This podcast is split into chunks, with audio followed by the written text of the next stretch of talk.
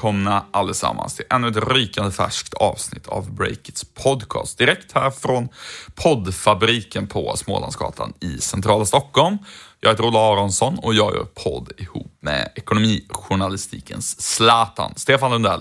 Mm, vi kan aldrig få nog av den sägningen, så ta den gärna flera gånger framöver här i podden. Eh, vi driver ju nyhetssajten Breakit tillsammans och eh, ska prata om en rad spännande saker. Du kan väl berätta, Olle, vad är det vi har på gång idag? Mm, den här veckan ska vi i podden avslöja vad som varit bäst och värst på Breakit 2018. Eh, vi berättar också varför ICA är Sveriges svar på Amazon. Och så ska vi snacka om kraschen för mobilspel på börsen. Vad beror den egentligen på?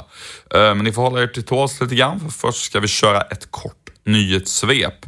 Jag börjar med att Matsmart, som säljer mat med utgånget bäst före-datum på nätet, de har fått in ny finansiering på 75 miljoner kronor och det är Axel Jonsson, Sören, eh, som bland annat äger Hemköp och Willys som investerar tillsammans med Norrsken. Och Norrsken det är ju Klarna-grundaren Niklas Adelberts stiftelse. Ja, så är det. Annars har ju den svenska klädjätten H&M varit bolaget i ropet den här veckan. Eh, efter att aktien rasade förra veckan på grund av att H&M ligger efter med e-handeln så har VDn Carl-Johan Persson gått ut och varit självkritisk. Och i samma veva så gick också e-handelsentreprenören Isabella Löwengrip ut och berättade att hon har dumpat alla sina hm aktier Mm, det händer mycket kring och i H&M nu. Eh, ett annat stort företag som vi brukar prata om i podden, det är ju Facebook och nu ska det bolaget stoppa så kallat kommentarsfiske. Eh, det handlar alltså om sidor som bara postar inlägg där man skriver typ tagga en kompis som är dålig på pingis eller något sånt där. Eh, de ska straffas med lägre räckvidd. Och så har jakten på fildelare nu trappats upp här i Sverige. Tidigare har ju det mest varit danska jurister som har skickat brev till fildelare och krävt dem på pengar. Men nu har det dykt upp en svensk spelare som heter Innerstans advokatbyrå. De har skickat krav på minst 7000 spänn per person och fildelare eh, till, eh, och vi ser var det landar någonstans. Mm, och I USA så är annars den stora nyhetssnackisen nu i affärskretsar eh, att Donald Trump vill driva igenom och kommer med rätt hög sannolikhet lyckas med också en ny skattereform.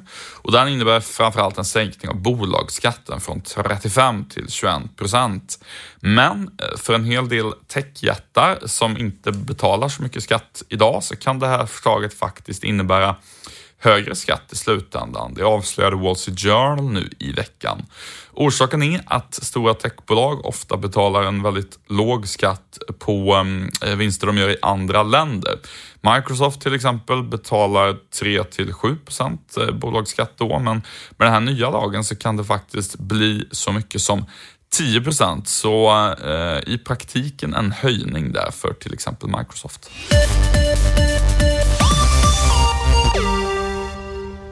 Vår huvudsponsor till podden är Rackfish som erbjuder skräddarsydda hostinglösningar till stora och små företag. Allt från startups till kommuner och jättestora koncerner.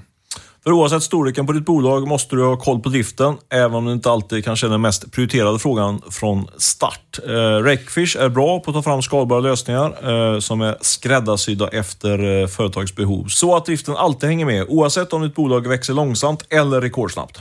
Yes, så en av Rackfish kunder det är svenska Storage365.se, en marknadsplats för alla sorters eh, förvaring från husvagnar till lagerlokaler. Och Storage365 de ville som de flesta hålla nere kostnaderna till en början, men har möjligheten att växa utan att eh, stöta på problem på vägen. Vill läsa mer om Rackfish, eh, vad de gjorde för bland annat Storage365, gå in på rackfish.com blogg och läs mer. Alltså recfish.com blogg. Och med det tackar vi Rackfish för veckans huvudsponsorskap. Vi måste ju fortsätta prata om e-handeln som just nu vänder upp och ner på bransch efter bransch får man säga. Det har fått följdverkningar i många olika riktningar. Stefan, du har ju snackat runt med folk i efterdyningarna av H&M's eh, katastrofsiffror och Clas Olssons eh, oväntade storköp av aktier i Mathem. Det är väl de liksom, två stora svenska händelserna som har varit eh, här på sistone. Du har ringt runt med folk som håller bra koll på vad som händer i branschen. Vad, vad har du vaskat fram i din guldpanna? Mm, nej, men det händer, precis som du säger så händer det ju saker varje dag. Om vi ska nämna ytterligare två saker som vi också nämnde här i ingressen så är det ju att eh, Hemköp och Willys storägare Axel Jonsson, de köpte ju majoriteten i Matsmart eh, och eh, ICA flaggar för att de ska bygga så kallade Dark Store som är liksom ett nytt, eh, en form av Eh, lager, eh, med, där man plocklager, eh, vilket är en indikation på att eh, e-handeln växer även i matsegmentet. Då.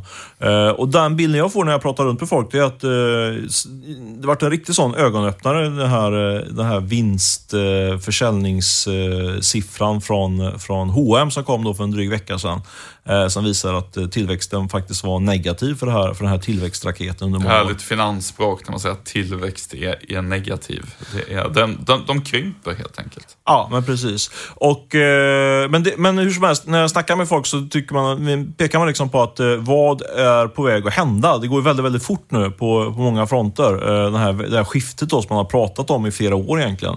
Men nu, nu är det verkligen här på riktigt. Och, eh, eh och om man tittar till exempel på på eh, mathandeln, då, eller mat, mat på nätet, så är det ju en, eh, en industri som har varit sent ut i e-handeln. Eh, idag omsätter det kanske bara någon procent, men alla blickar ju framåt och, tror, och funderar på vad som ska hända framöver och man märker ju ändå att tillväxten är rätt kraftig. Och de stora jättarna då i det här segmentet, Axfood och ICA och Coop. Eh, de pratar ju om, eh, jag såg en intervju med ICA-vdn här så sent som idag på morgonen tror jag det var. Eh, han pratar ju om en, en, att ungefär 10 procent av omsättningen ska ligga på, på nätet då, på några års sikt. Men man kan ju tänka sig, vad händer om, om det skulle, den siffran skulle bli 20 procent istället? Även 10 procent är väldigt dramatiskt, men det, det, vet man inte. Det kan ju, det kan ju i ett positivt scenario, hur man nu, om man nu beror på var man sitter någonstans, så kan det också bli 20 procent. Och då kan det bli väldigt blodigt ska jag säga i, eh, i till exempel den här matbranschen då, med, med låga marginaler.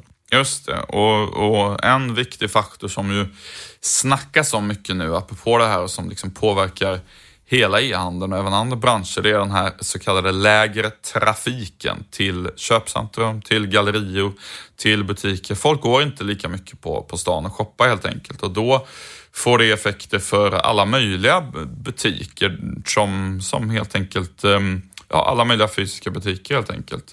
Så det är väl lite grann det folk är rädda för nu och vad tror du kommer hända i nästa steg? Ja, men det är väl, jag får väl lite grann eh, säga som alla andra, även de som försöker, som är mitt i det, att det har man ingen aning om. Man vet ju inte om det då, som sagt, som sa, om det blir 10 eller 20 procent av eh, handeln som går på nätet. Det, det, det får ju dramatiska följde upp eh, om det blir den eh, högre siffran eller lite mindre, då blir det väl lite mer en gradvis förskjutning. Även 10 procent är ju så mycket pengar. Eh, men jag tror att man kan utifrån det snacket jag haft med folk som sitter mitt i det så, så skulle jag vilja kasta ur med två spaningar kan man säga. I alla fall teorier om vad som kan hända. Och det ena som jag tycker själv är ganska intressant, det är om man tittar då på Eh, på, på de stora mathandlarna eh, i Sverige. Eh, och så, lite grann eh, gå tillbaka till det du var inne på med att eh, folk inte kommer in i butikerna längre. Så, så kan man slå fast att just de, de spelarna, där är ju, de har ju verkligen ett stort flöde fortfarande in i butikerna. För folk handlar ju mat eh, fortfarande i stor utsträckning fysiskt. Eh, och eh, mat kommer vi alltid handla. så det det man kan se där, eh, som en del av teorierna nu, det är att matjättarna då kan bli på något sätt de nya stora marknadsplatserna, lite grann som Amazon. Eh, för de kommer ha ett stort flöde in på sina e-handelssajter med, eh, där man kommer köpa, köpa mat. Det, det, kan man liksom se framför sig. Och man kommer, har också en hög frekvens på det. Man kommer tillbaks ofta in i, eftersom man handlar mat, så på, åtminstone en, någon gång i veckan.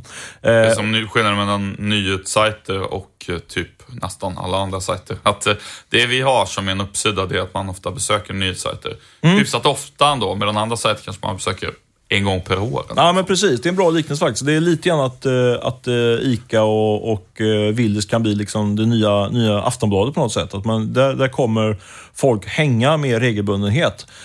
Och det kan man då utnyttja från, från deras perspektiv, då, att man kan då kränga på saker till, i andra mindre branscher som är närliggande till, till mat. Till exempel kan man kan tänka sig Djurfoder eh, är ju något som, eh, som man också kanske har, i det modet när man köper mat så kanske man också tänker sig att man köper mat sin, sina, sin hund eller katt.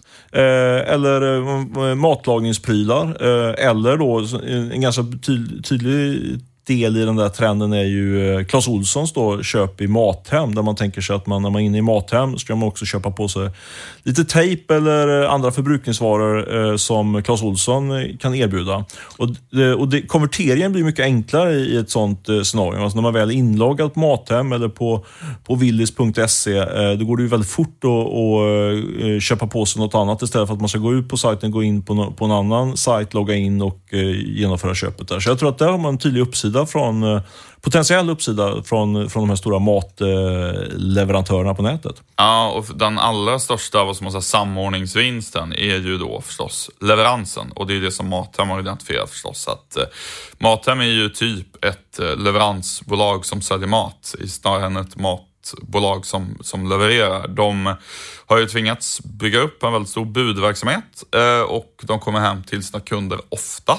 Och då ser de att de skulle kunna lämna andra prylar från Clas Ohlson, men de har också öppnat för att de skulle kunna leverera andra saker, kanske plocka upp folks e-handelsreturer generellt. De har väldigt tät kundkontakt ute i hemmet helt enkelt. Och där är det ganska uppenbart att om vi ska handla allt på nätet i framtiden kanske vi inte vill ha fem olika leveranser samma kväll så att säga. Nej men precis, och det rullar in lite grann på min andra spaning. Alltså att eh, just logistiken då inom e-handeln är ju något av en tickande bomb måste man säga.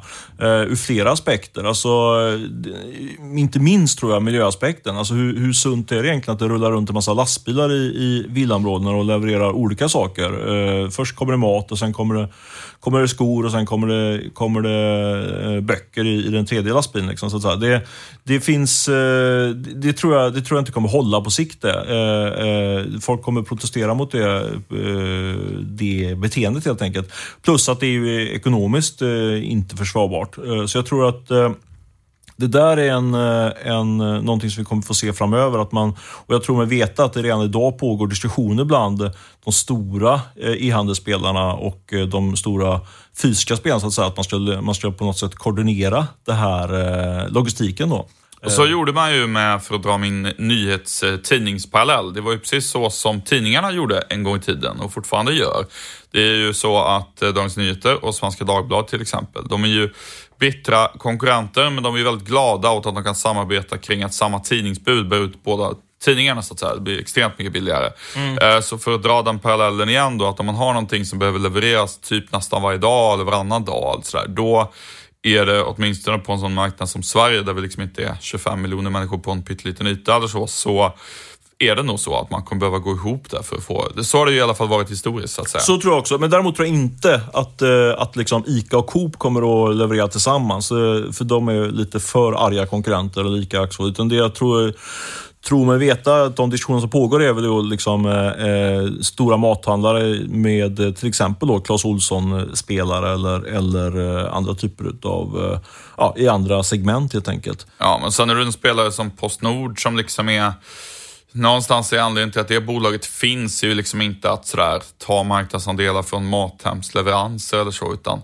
det är ju mer, har ju uppstått på grund av ett samhällsuppdrag om att leverera post och så. Där tror jag att man kan nog vara ganska benägen att knyta samarbeten med, med andra aktörer så att säga eftersom man själv inte är ute efter att bli ICA eller bli spelaren som liksom äger hela marknaden så, utan man ska med service till, till medborgarna, eller vad, vad tror du?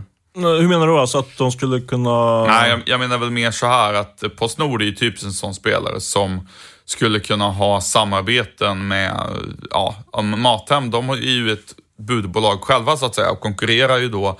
Om de ska leverera prylar åt, åt andra, då blir ju de på ett sätt konkurrent till Postnord till exempel.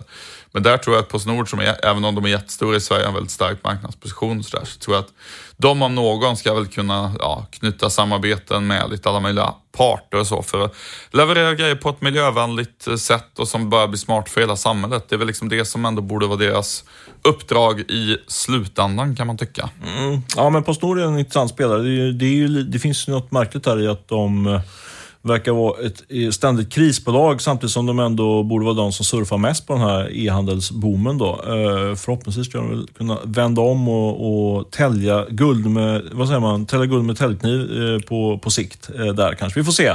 Jag tycker det är väldigt spännande med logistik just nu faktiskt. Det låter inte så världens, världens mest sexiga ämne, men jag tycker du, att... Du får hitta liksom ett annat ord. Är det bud, är det leverans eller har du någon... Nej, jag håller mig till logistik. Det funkar. Sen har vi det med lite fräcka engelska ordet, the last mile där. Så jag, jag tror att vi kommer få anledning att återkomma både i podden och på, på sajten kring det här, för det är verkligen eh, affärskritiskt i hela, hela näringslivet.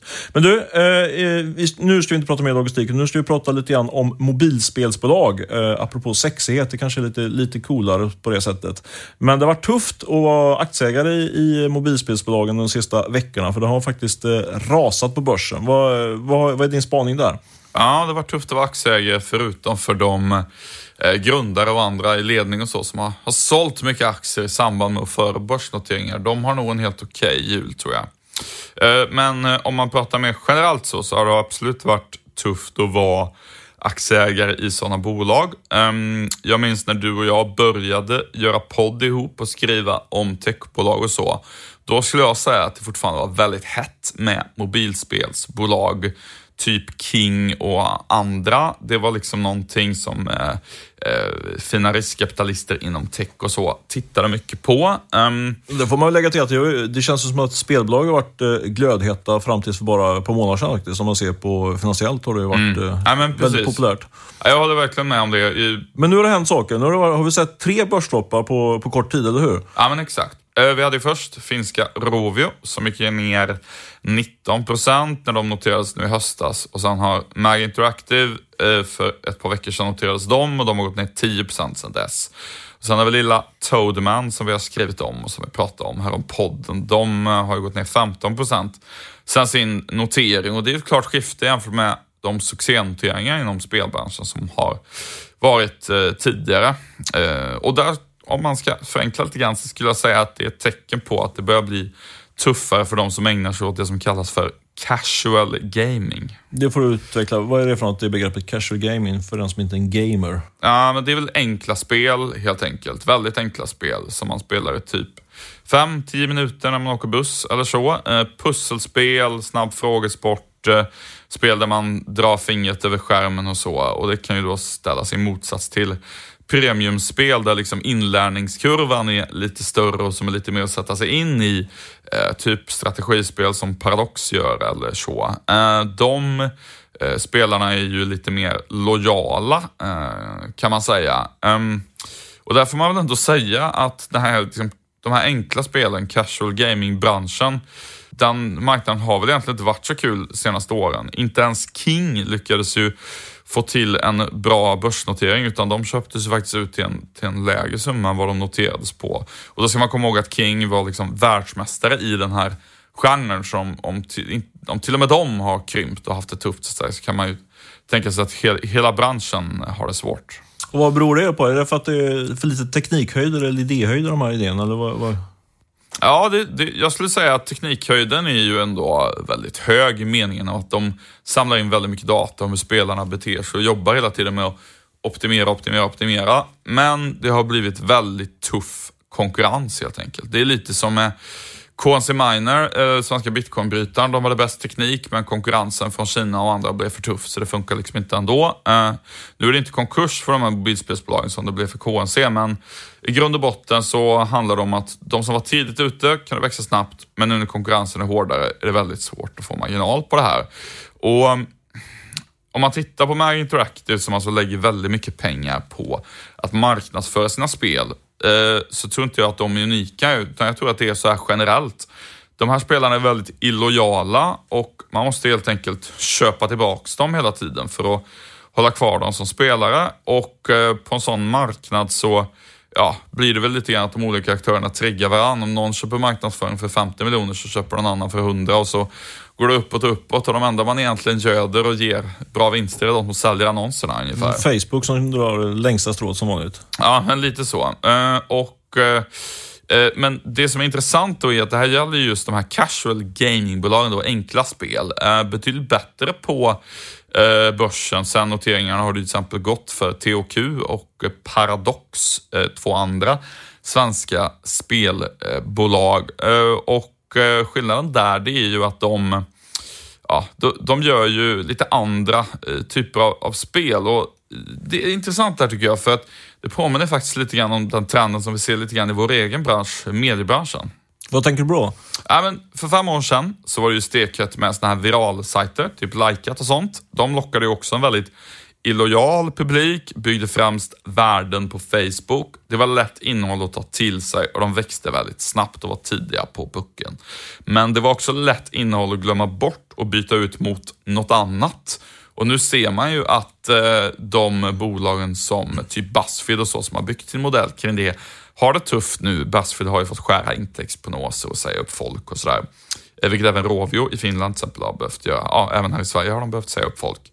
Och eh, nu är ju trenden snarare att man ska satsa på att frigöra sig från eh, Facebook och de här stora plattformarna, försöka bygga egen lojalitet. Nu pratar jag alltså om mediebranschen igen med ja, få folk att signa upp på nyhetsbrev eller betala prenumerationer eller komma på exklusiva event och sådär. Så om man ska spetsa till det lite grann så skulle jag kunna säga att Mag Interactive kanske riskerar att bli lite grann av ett spelbranschens nyheter 24. En aktör som liksom har vuxit väldigt snabbt genom att vara tidiga på nya plattformar. Men där det är svårt att bygga långsiktig lönsamhet på grund av att man liksom inte har så eh, lojala fans medan andra som typ Paradox inom spelbranschen eller New York Times i vår bransch liksom kan bygga en annan lojalitet och därmed få andra marginaler på, på sin affär. Vad, vad, vad tror du om den kopplingen? Nej, men det låter väl som en, eh, som en rätt bra koppling. Eh, däremot vet jag inte hur, eh, hur glad Douglas Ros blir på Nyhet 24 med den kopplingen. Men eh, det får han leva med. Men vad ska ni göra för att komma till bukt med de här problemen, då, de här casual game-bolagen? Finns det någon lösning som du har tänkt ut?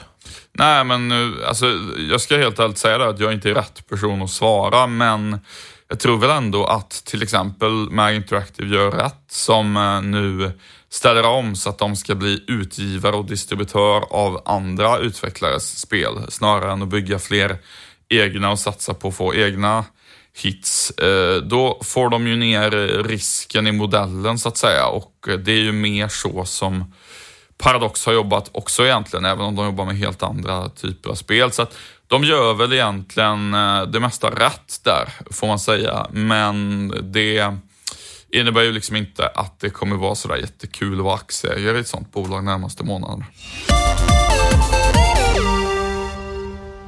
Nu ska vi summera året med Breakit och prata om hur det har varit att driva det här företaget tillsammans under 2017. Och vi ska snacka om det som har varit jobbigast och det som har varit roligast. Vi bjuder på varsin rolig grej och varsin jobbig grej och så, så ska vi också försöka ge alla lyssnare lite visdom utifrån det. Ja, det är bra att du sätter nivån på det här. Jag känner att jag själv är lite dåligt, eller jag har lite svårt faktiskt att komma, komma fram på de här grejerna spontant. Men eh, jag gör ett försök. Eh, det, framförallt var väl, det, det jag hade svårt för att komma fram på, det var väl vad, vad man ska dra för visdomar från det och vad dra för generella slutsatser kring det. Men jag börjar ju som den skandaljournalist jag är eh, kring eh, och fokusera på det som varit värst under året, det som varit jobbigast under året. Och eh, för att bli lite personlig så, har, så kan jag säga att jag har en ehm, tendens, eller en, en eh, svaghet i mig kan man säga. Att efter intensiva arbetsperioder så drar jag på mig en del ångest eh, för saker som man inte borde egentligen ha ångest för. Det har ju du drabbats av att jag ibland har ältat saker som du kanske tycker är, att det inte är så mycket att älta för. Men eh, det där har jag faktiskt identifierat som under min karriär. Att jag när jag jobbar mycket så, så kommer det här som något, ett surt brev på posten efteråt. Tänker du på kring vissa publiceringar vi gjort och sånt där då som dyker upp, eller är det andra saker? Ja, nej men absolut. Det kan vara vissa publiceringar som kan vara, faktiskt vara helt relevanta att göra, men som jag kan tycka att oj, skulle jag gjort det där? Eller hur skulle jag tänkt på ett annat sätt? Och eh, skadas folk av det man skriver och, och fram och tillbaka och sådär. Så det är, kan man ju faktiskt vara helt ärlig med att säga att det är en orsak till att eh, du, Olle, sitter på det ansvariga utgivarskapet för att du kan tänka lite mer klart i de här eh, sakerna. Men det kan vara andra saker också. Eh, och det där vill man ju väldigt gärna undvika. Det är något som jag har jobbat med ganska mycket för att hitta liksom rätt balans då, eh, kring min arbetsbörda. Men jag har misslyckats med det vid eh, upprepade tillfällen eh, med detta under 2017 också. Så det, det tycker jag är trist, att, det, att man inte riktigt liksom hittat modellen för det.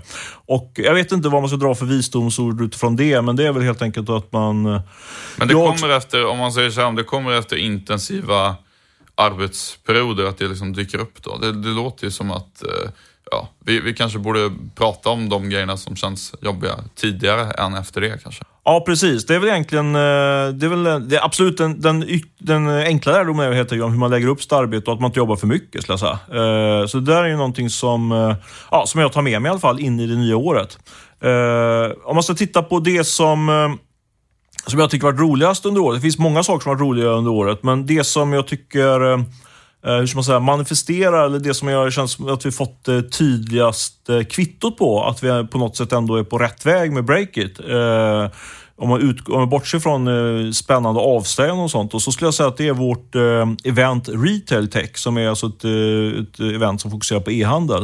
Eh, vi har ju tidigare, du och Olle, kört en del event, lite grann som glada amatörer kan man säga, tillsammans med, med eh, eh, olika partners. Eh, men nu eh, skulle jag vilja säga att Retail Tech eh, på ett sätt var det första riktiga Breakit-eventet och det var Camilla Björkman och Diana Demin som körde det från vår sida. Eh, och eh, från två horisonter där tyckte jag att det var intressant och väldigt glädjande med de eventen. Dels med, det, med, det, eh, eh, med den konferensen. Det var helt enkelt att det, för det första att vi liksom eh, bara genom att eh, fokusera och kapitalisera på något sätt på vår egen målgrupp. Lyckades få över 200 betalande eh, eh, deltagare på det här eventet. Det var ganska dyrt att gå på det här eventet. Så det var, det var liksom ett... Eh, Eller billigt. Ja, precis. Man fick, fick mail från en person som sa att eh, eh, den här personen hade tjänat hundra gånger pengarna på det, för han hade fått in så mycket nya kunder genom att gå på eventet. Så att allt är relativt. Ja, men så är det. Absolut. Jag är dålig säljare nu. Men jag menar, det är ändå en, en rejäl peng betalar man för att gå på det här eventet, apropå eh, möjligheten att ta betalt som medier och sådär.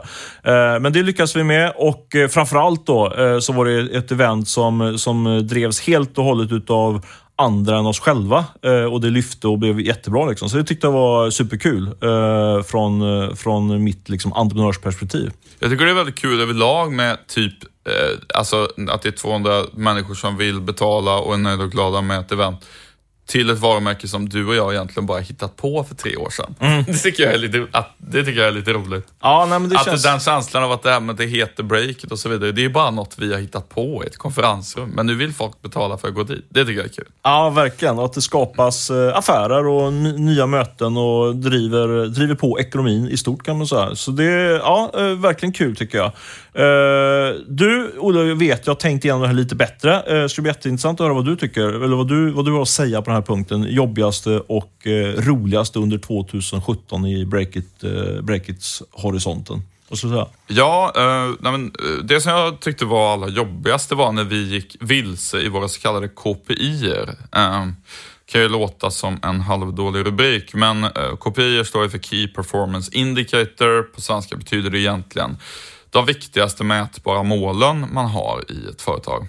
Och eh, vi började väldigt storslaget med våra kopior. Vi hade en konferens ute på landet med hela teamet i februari. Vi satte upp 12 mål och så sa vi att om vi når alla målen så ska vi åka till New York och når vi hälften får vi bara åka till skärgården på nästa konferens. Och, eh, överlag så, de målen vi tog fram var också väldigt sådär eh, och nådde vi bara fyra så skulle vi bara få gå på McDonalds. Ja, just det. Ja, på Nybrogatan. Det tyckte jag, det tyckte jag nästan var det roligaste. Men eh, Eh, de målen vi tog fram var ju väldigt bra egentligen. Att vi sa att vi ska inte göra klick, utan vi ska hitta någon större mening i vardagen. Och kopiorna ska vara att vi ska ha fler kvinnliga huvudpersoner i artiklar. Vi ska få fler nyhetsprenumeranter så läsarna blir mer lojala. Vi ska ha sju stycken stora granskande artikelserier och så vidare.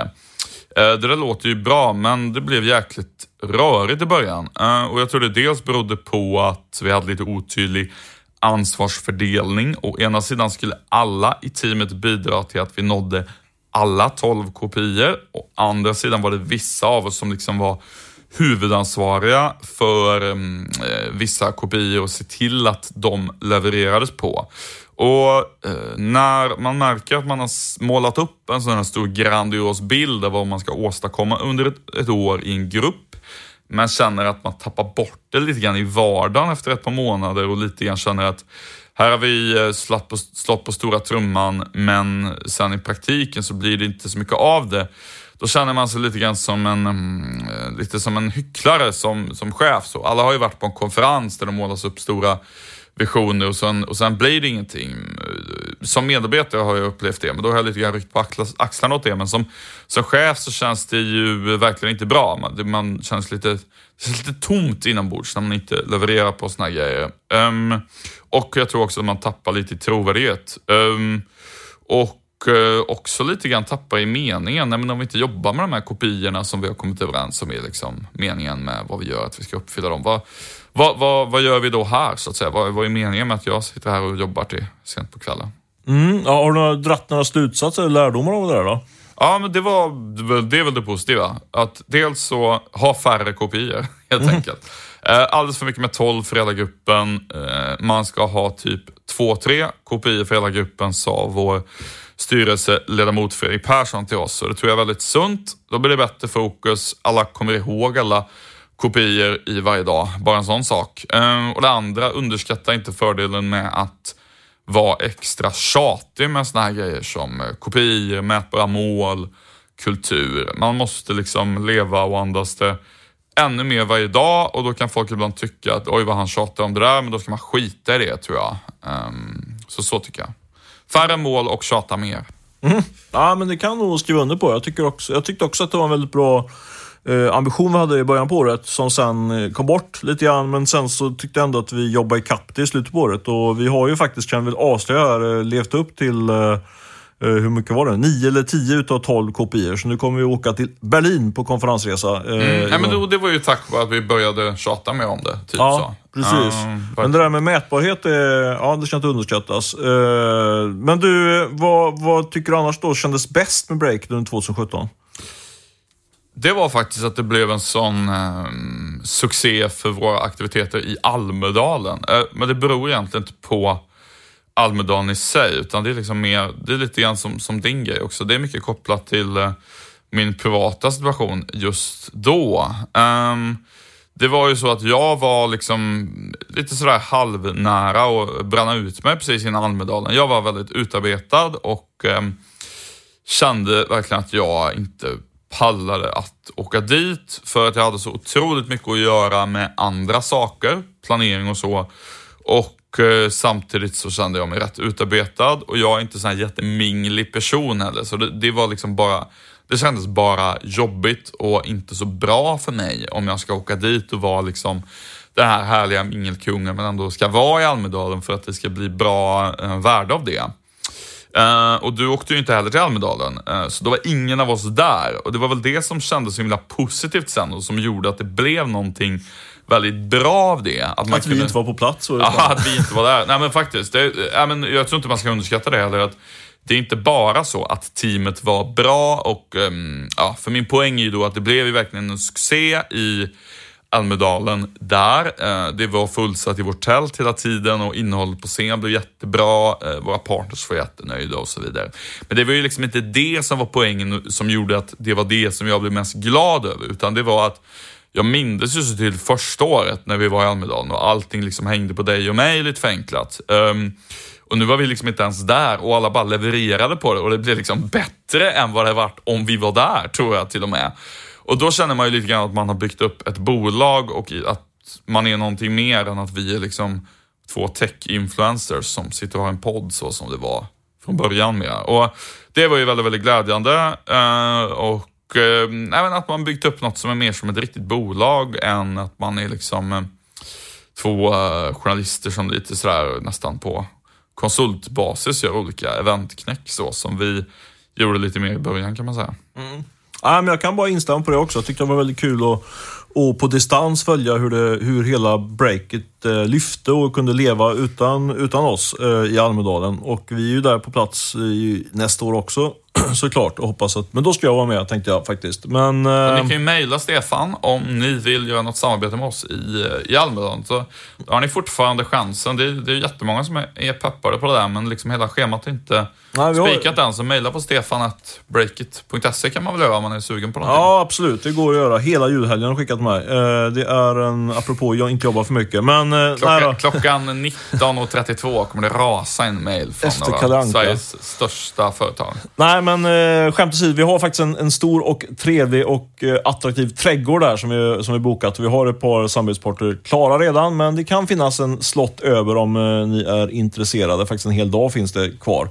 Så mm, jag betalade fakturan för den trädgården idag. Det var ju som alltid eh, eh, inte de billigaste lokalerna i Sverige man kan hyra, men jag är helt övertygad om att det är värt det. Det, det känns eh, skitbra tycker jag. Ja, verkligen. Det är valår också nästa år, så det blir spännande i Almdalen. Men nog talat om Almdalen, och, eh, men ändå kul tycker jag, övning det här och, och summera sitt, eh, sitt år lite grann inför sig själv och eh, faktiskt inför eh, tusentals poddlyssnare. Eh, men nu, nu är det dags för mig och runda av den här podden. Vi ska först såklart tacka vår huvudsponsor Rackfish och eh, Beppo ljudproduktion som klipper Breakits podcast.